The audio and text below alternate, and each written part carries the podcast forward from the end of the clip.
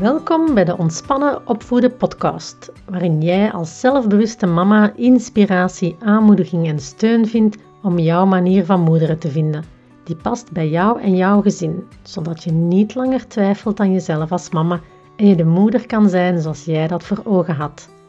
Mijn naam is Joke van Hoek, al meer dan 20 jaar kinderpsycholoog en mama van drie kinderen bij mij en sterrenmama. In deze podcast neem ik je heel graag mee achter de schermen van mijn eigen gezin en van mijn praktijk, zodat ook jij vol vertrouwen en ontspannen in het moederschap kan gaan staan. Heel veel luisterplezier!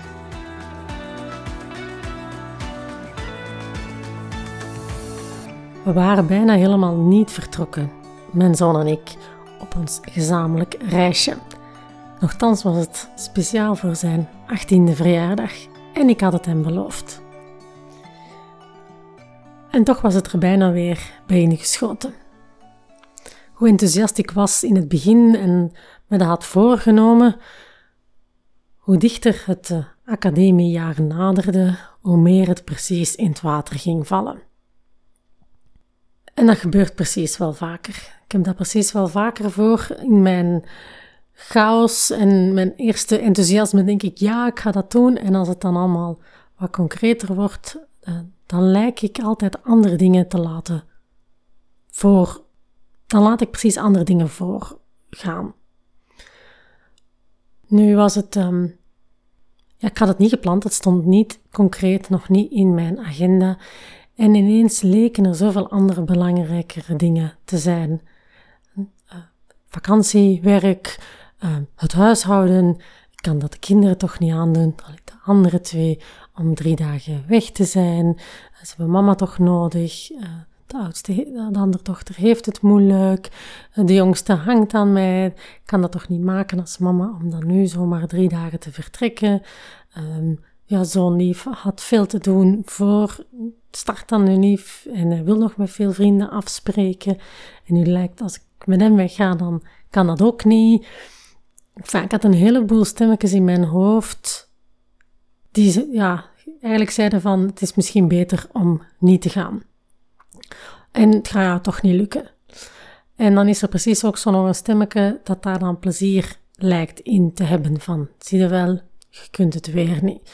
Je, belooft iets en je doet het niet. Zie je wel hoe slecht dat je bezig bent.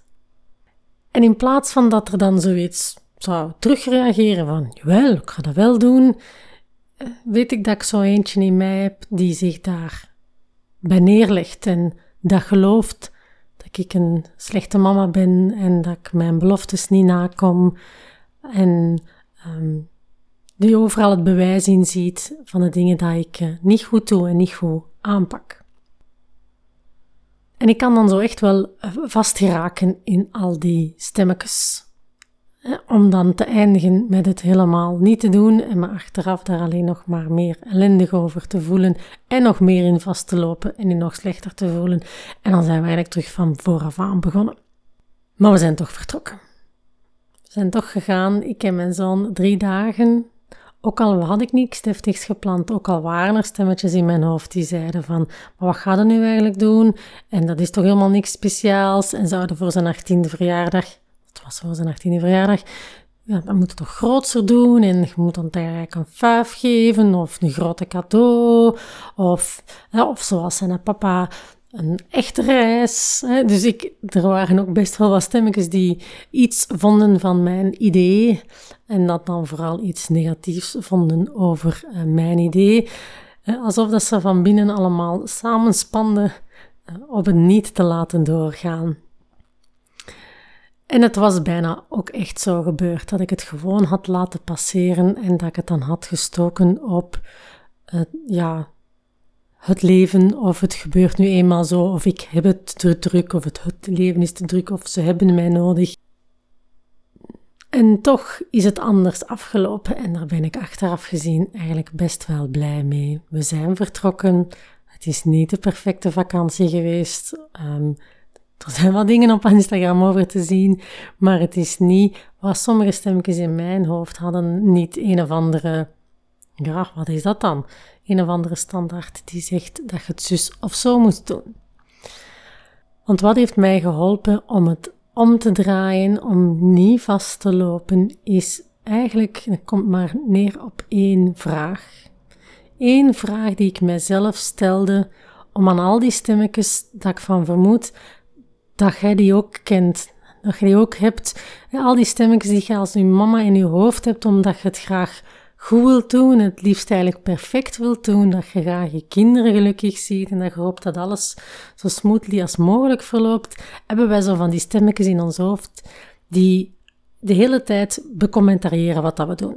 Hoe dat we doen, wat dat we doen, wat dat we niet doen. Ehm, en dat dan nog eens goed vergelijken met wat dat we denken dat andere mensen doen en wat dat we denken dat anderen daarover zouden kunnen denken. Dus ja, uh, ons hoofd zit vol met heel veel stemmetjes die ons eigenlijk heel de tijd in toog houden en daar van alles over denken en van allerlei commentaar over geven, meestal negatief uh, geladen commentaar. Allemaal eigenlijk vanuit het idee van dat ze hopen dat ze die stemmetjes, dat ze u kunnen beïnvloeden, zodat je, tussen aanhalingstekens, het goede gaat doen. Zodat je de perfecte moeder bent en dat uw kinderen perfect gelukkig zijn. Alleen als je die stemmetjes volgt, dan komt er van die perfecte moeder en perfecte kinderen meestal eigenlijk ook niet zoveel van in huis, omdat je meestal vooral bedolven geraakt onder al die stemmetjes, omdat die ook u opzadelen met een heel slecht gevoel over jezelf, waardoor dat je helemaal niet komt tot wat dat je eigenlijk wilt doen. Of dat je heel hard je best doet, heel veel uren klopt op je werk thuis, etc. Maar dat je niet kunt volhouden. En dat het, en als je eerlijk bent, het waarschijnlijk ook uiteindelijk toch precies niet goed genoeg is, want je stemmetjes in je hoofd zullen altijd nog wel iets vinden dat nog niet goed genoeg is. En je zult altijd voorbeelden vinden van uh, online of in het echt van mama's die het nog anders aanpakken, waar dat je jaloers op bent, waar dat je eigenlijk ook zo zou willen. En dat als je vergelijkt met je eigen situatie, dat je denkt van zie je wel, ik bak er niks van. Dus wat heb ik dan deze keer gedaan om niet aan die stemmetjes niet dat ik geen rekening hou met die stemmetjes, want die zijn er voor een reden, maar om ervoor te zorgen dat ik niet bedolven raak daaronder en dat ik, met wie dat ik ben en met wie dat mijn kinderen zijn, toch te kunnen doen wat dat ik zou willen. En, en dat ik daar boven geraak, is me één vraag stellen. Wat is voor mij nu het belangrijkste? Wat vind ik echt belangrijk? En als ik mij die vraag echt stel, wat vind ik nu echt het belangrijkste? Dan gaat dat niet over de inhoud van, die, van dat reisje, van dat tripje. Dan gaat dat niet over, doe ik het op dezelfde manier of even goed als wat ik online zie bij anderen, of wat dat zijn papa doet. Um, ik leid niet zijn leven, maar mijn leven. Net zoals ik niet het leven leidt van alle andere mama's in mijn buurt en jij ook niet. Je hebt jouw leven met jouw kinderen en jouw situatie. Wat is voor jou echt het belangrijkste? Dat je er goed uitkomt in vergelijking met anderen? Ik denk het niet. Dus ik heb voor mezelf de vraag gesteld: wat is nu echt het belangrijkste? Waarom wou ik dat reisje doen? Ging dat echt om die reis? Nee. En ook weer ja, ik wilde eigenlijk tijd alleen met mijn zoon. En tijd alleen, dat lukt thuis niet zo goed. Um, het was zijn achttiende verjaardag, is al een hele tijd gepasseerd. Maar ik, en ik voelde dat ook wel al. Het is iets wat ik bij mezelf merkte in aanloop naar zijn achttiende verjaardag, dat ik voelde van, hé, hey, dit is echt toch wel een kantelpunt. Eentje dat hij, denk ik, zichzelf nog niet echt kan realiseren. Iedereen zegt en vraagt, en hoe voelt dat nu om 18 te zijn? En ja, zelfs als gisteren eigenlijk. Eh, maar wij als, als ouders, eh, wij, we hebben daar zelf ooit ook gestaan. Niet beseffende op wat voor een kantelpunt dat we in ons leven stonden. Hm, na 18 jaar valt het, het typische schoolritme weg. Toch voor de meeste kinderen je hebt heel je kleuter, lager, middelbaar. Daar zitten wel wat variaties op hoe het school werd georganiseerd, maar je dag- en nachtritme zag er eigenlijk bijna 18 jaar lang, alleen nee, 15 jaar lang hetzelfde uitging. S'morgens naar school, school begint ergens tussen kwart na acht en kwart voor negen en je komt en de school is gedaan ergens tussen kwart na drie en vier uur, elke dag opnieuw. Woensdag is een halve dag. Je hebt huiswerk, je doet zijn examens. De invulling varieert van qua leeftijd. Maar eigenlijk heeft je leven er grofweg 15 jaar bijna identiek hetzelfde uitgezien. En als je afstudeert in het zesde middelbaar, ja, dan, dan moest je ineens kiezen. En dan ging de al dan niet verder studeren, maar als je ging verder studeren, kon je dat op voorhand niet inschatten hoe dat, dat ging zijn, maar ik denk iedereen die het gedaan heeft, weet dat dat toch een heel groot verschil is. Dat krijgt hij ook nu langs alle kanten ingepeperd, maar eigenlijk kan hij het zich gewoon nog niet voorstellen, want hij heeft het nog niet geleefd. Maar ik voelde dat als mama wel aankomen van, ja shit, de manier waarop dat die, de kinderen hier thuis zijn bij ons, het ritme ook voor ons verandert mee.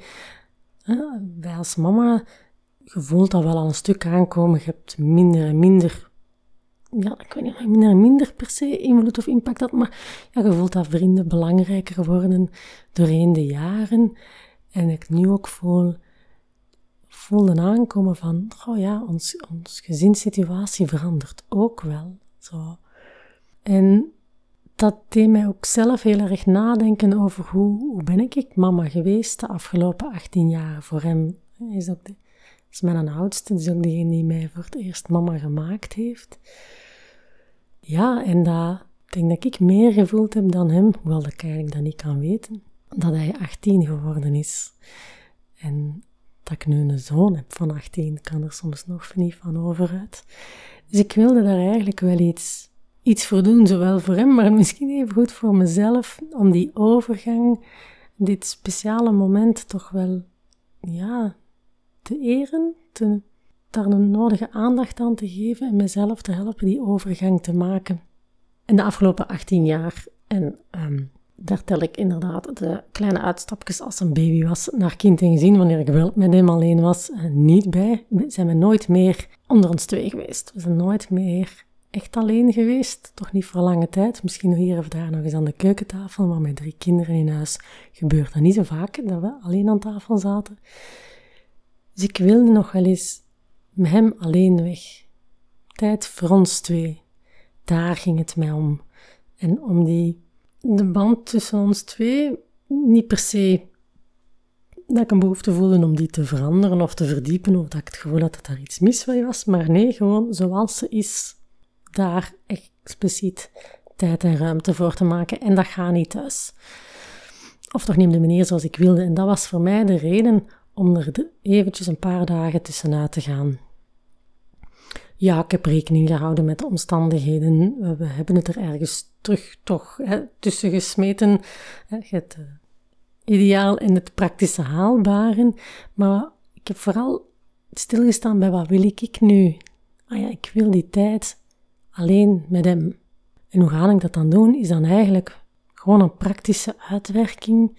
Maar daarvoor moest ik wel vooral vasthouden van wanneer is het voor mij geslaagd? Niet Daarvoor hoefde het niet mega speciaal of bijzonder te zijn. Het feit dat we al met ons twee weggingen was voor mij al bijzonder genoeg. Daar draaide het voor mij om. En zo zijn we dan vertrokken met ons twee. Ik heb dan het voordeel dat ik een um, Volkswagen busje heb, waar we ook kunnen in logeren en slapen. Dat heeft zijn nadeel, daar hebben we ook over gesproken.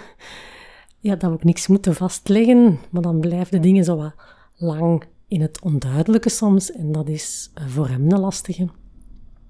En dat weten we van elkaar en dat is oké. En zo zijn we dan toch met ons twee vertrokken. Afgelopen maandag zijn een uh, kleine drie dagen weg geweest. Ja, ik zeg kleine drie dagen, want als ik dat dan vertelde tegen de jongste en ik zei ja, ik ben woensdag al terug, dan ah ja, dat, is geen, dat zijn twee nachtjes, dus je bent geen drie dagen weg en je bent dan... ze vond dat beter klinken in haar hoofd, dus ik liet dat maar gebeuren. En op de, de, de, drie dagen zelf, wat we dan gedaan hebben, daar kan ik het nog wel eens een keer over hebben. Maar in ieder geval, wat dat hij er ook aan overgehouden heeft en ik zelf, is dat we, ja, dat dat echt, ja, dat was echt een hele fijne tijd samen. We hebben geen mega bijzondere dingen gedaan, maar we hebben wel gewoon tijd samen doorgebracht van s morgens tot s avonds en dat ging vlot. En dat was, dat is eentje dat ik niet zal vergeten. En daar was het om te doen en ik denk dat hij het ook wel meeneemt. Waarom vertel ik jou dit nu allemaal? Omdat ik er eigenlijk van uitga dat jij die stemmetjes op een of andere manier wel herkent. In dingen zoals dat jij het wil aanpakken als mama, hoe dat jij het wilt doen met je kinderen, dat er heel vaak van alles tussen komt, waardoor het er niet van in huis komt. Dat wat dat jij, dat jij eigenlijk belangrijk vindt, dat jij, wat dat jij eigenlijk wilt doen. Zo hoor ik wel eens van mama's die zeggen, ik wil eigenlijk mijn kinderen, samen met mijn kinderen koken. Maar ja, als ik ze laat meehelpen, dan, dan duurt dat veel langer, dan gaat dat niet vooruit. Ik heb er eigenlijk geen tijd voor en dat is toch gevaarlijk met al die messen, et cetera. En al die stemmetjes hebben ergens wel een punt. Maar als we die stemmetjes alleen aan bod laten komen, dan verliezen we heel vaak de connectie met dat waarom dat je het eigenlijk in oorsprong wilde doen. Ja, als je samen bakt met je kinderen, dan ligt heel de keuken overhoop. Dat is zo. Als je samen, als je samen met je kinderen gaat fietsen, want je wilt ze eigenlijk leren zelfstandig fietsen, dat, vraagt een inspanning en dat is gedoe en ze luisteren niet altijd en ze zijn niet altijd al even handig met die dingen. Dat is verre van ontspannend. Um, de eerste keren dat je samen gaat fietsen. Als je wilt dat gezellig is aan tafel, dan vraagt dat een inspanning om te babbelen, want de ene zegt uit zijn eigen niks en een andere vertelt voortdurend en is met zijn mond open aan het praten en dat wilde eigenlijk ook niet. En je bent ondertussen zelf nog aan het denken en nog bezig met eten en bezig met de planning van de rest van de avond. Dus er is altijd, er gaat altijd iets zijn. Er gaat altijd iets zijn dat meer aandacht vraagt of luid roept, luid van buitenaf uw kinderen of uw stemmetjes binnenin u, die daar iets van vinden, die vinden dat je dat niet goed doet of niet goed aanpakt of zou dat wel zo doen, maar wat, en die doet dat op die manier en zou dat dan ook beter niet zo doen en deze trekt toch niet op niks. Maar als je alleen maar naar die stemmetjes luistert, dan, dan komt er niks van in huis. Dus probeer op zo'n moment jezelf terug te vinden door de vraag te stellen: en wat vind ik nu echt het belangrijkste hieraan? Waarvoor deed ik het? Waarom kwam dat idee in mij op? Waarom wou ik dat iets doen? Wat is hierin nu het belangrijkste? Wat doet er echt toe? En dan ga je wel weten wat jouw antwoord is. Dan gaat wel helder worden dan gaat wel helder worden wat dat jij, wat dat voor jou de beste keuze is, wat dat jij wilt doen als mama en wat dat zowel jou als jouw kind ten goede komt. Zodat jij dichter komt bij hoe dat jij mama wilt zijn, hoe dat, dat past bij jouw leven en wat dat jij graag wilt meegeven en doorgeven aan jouw kind. Vind je het niet zo gemakkelijk te weten wat dat jij wil, wat dat jij het belangrijkste vindt, wat dat jij graag doorgeeft aan jouw kind, welke waarden en normen voor jou van belang zijn? En wil je dat graag samen met iemand eens dichterbij kijken, zodat effectief de dingen die voor jou belangrijk zijn, echt aan bod komen in jouw leven en in de manier waarop dat je je kinderen grootbrengt, weet dan dat je bij mij terecht kan. Voor individuele gesprekken en kijk, waarin we samen verder gaan zoeken wat dat er past in jouw leven, met wie jij bent en jouw kinderen. Dus niet mijn oplossing, maar degene die helemaal past bij jou, zodat jij verder kan. Klinkt jou dit wel interessant? Stuur me een mailtje naar joke.ontspannenopvoeden.be en misschien kom je zelfs in aanmerking voor terugbetaling door de conventie.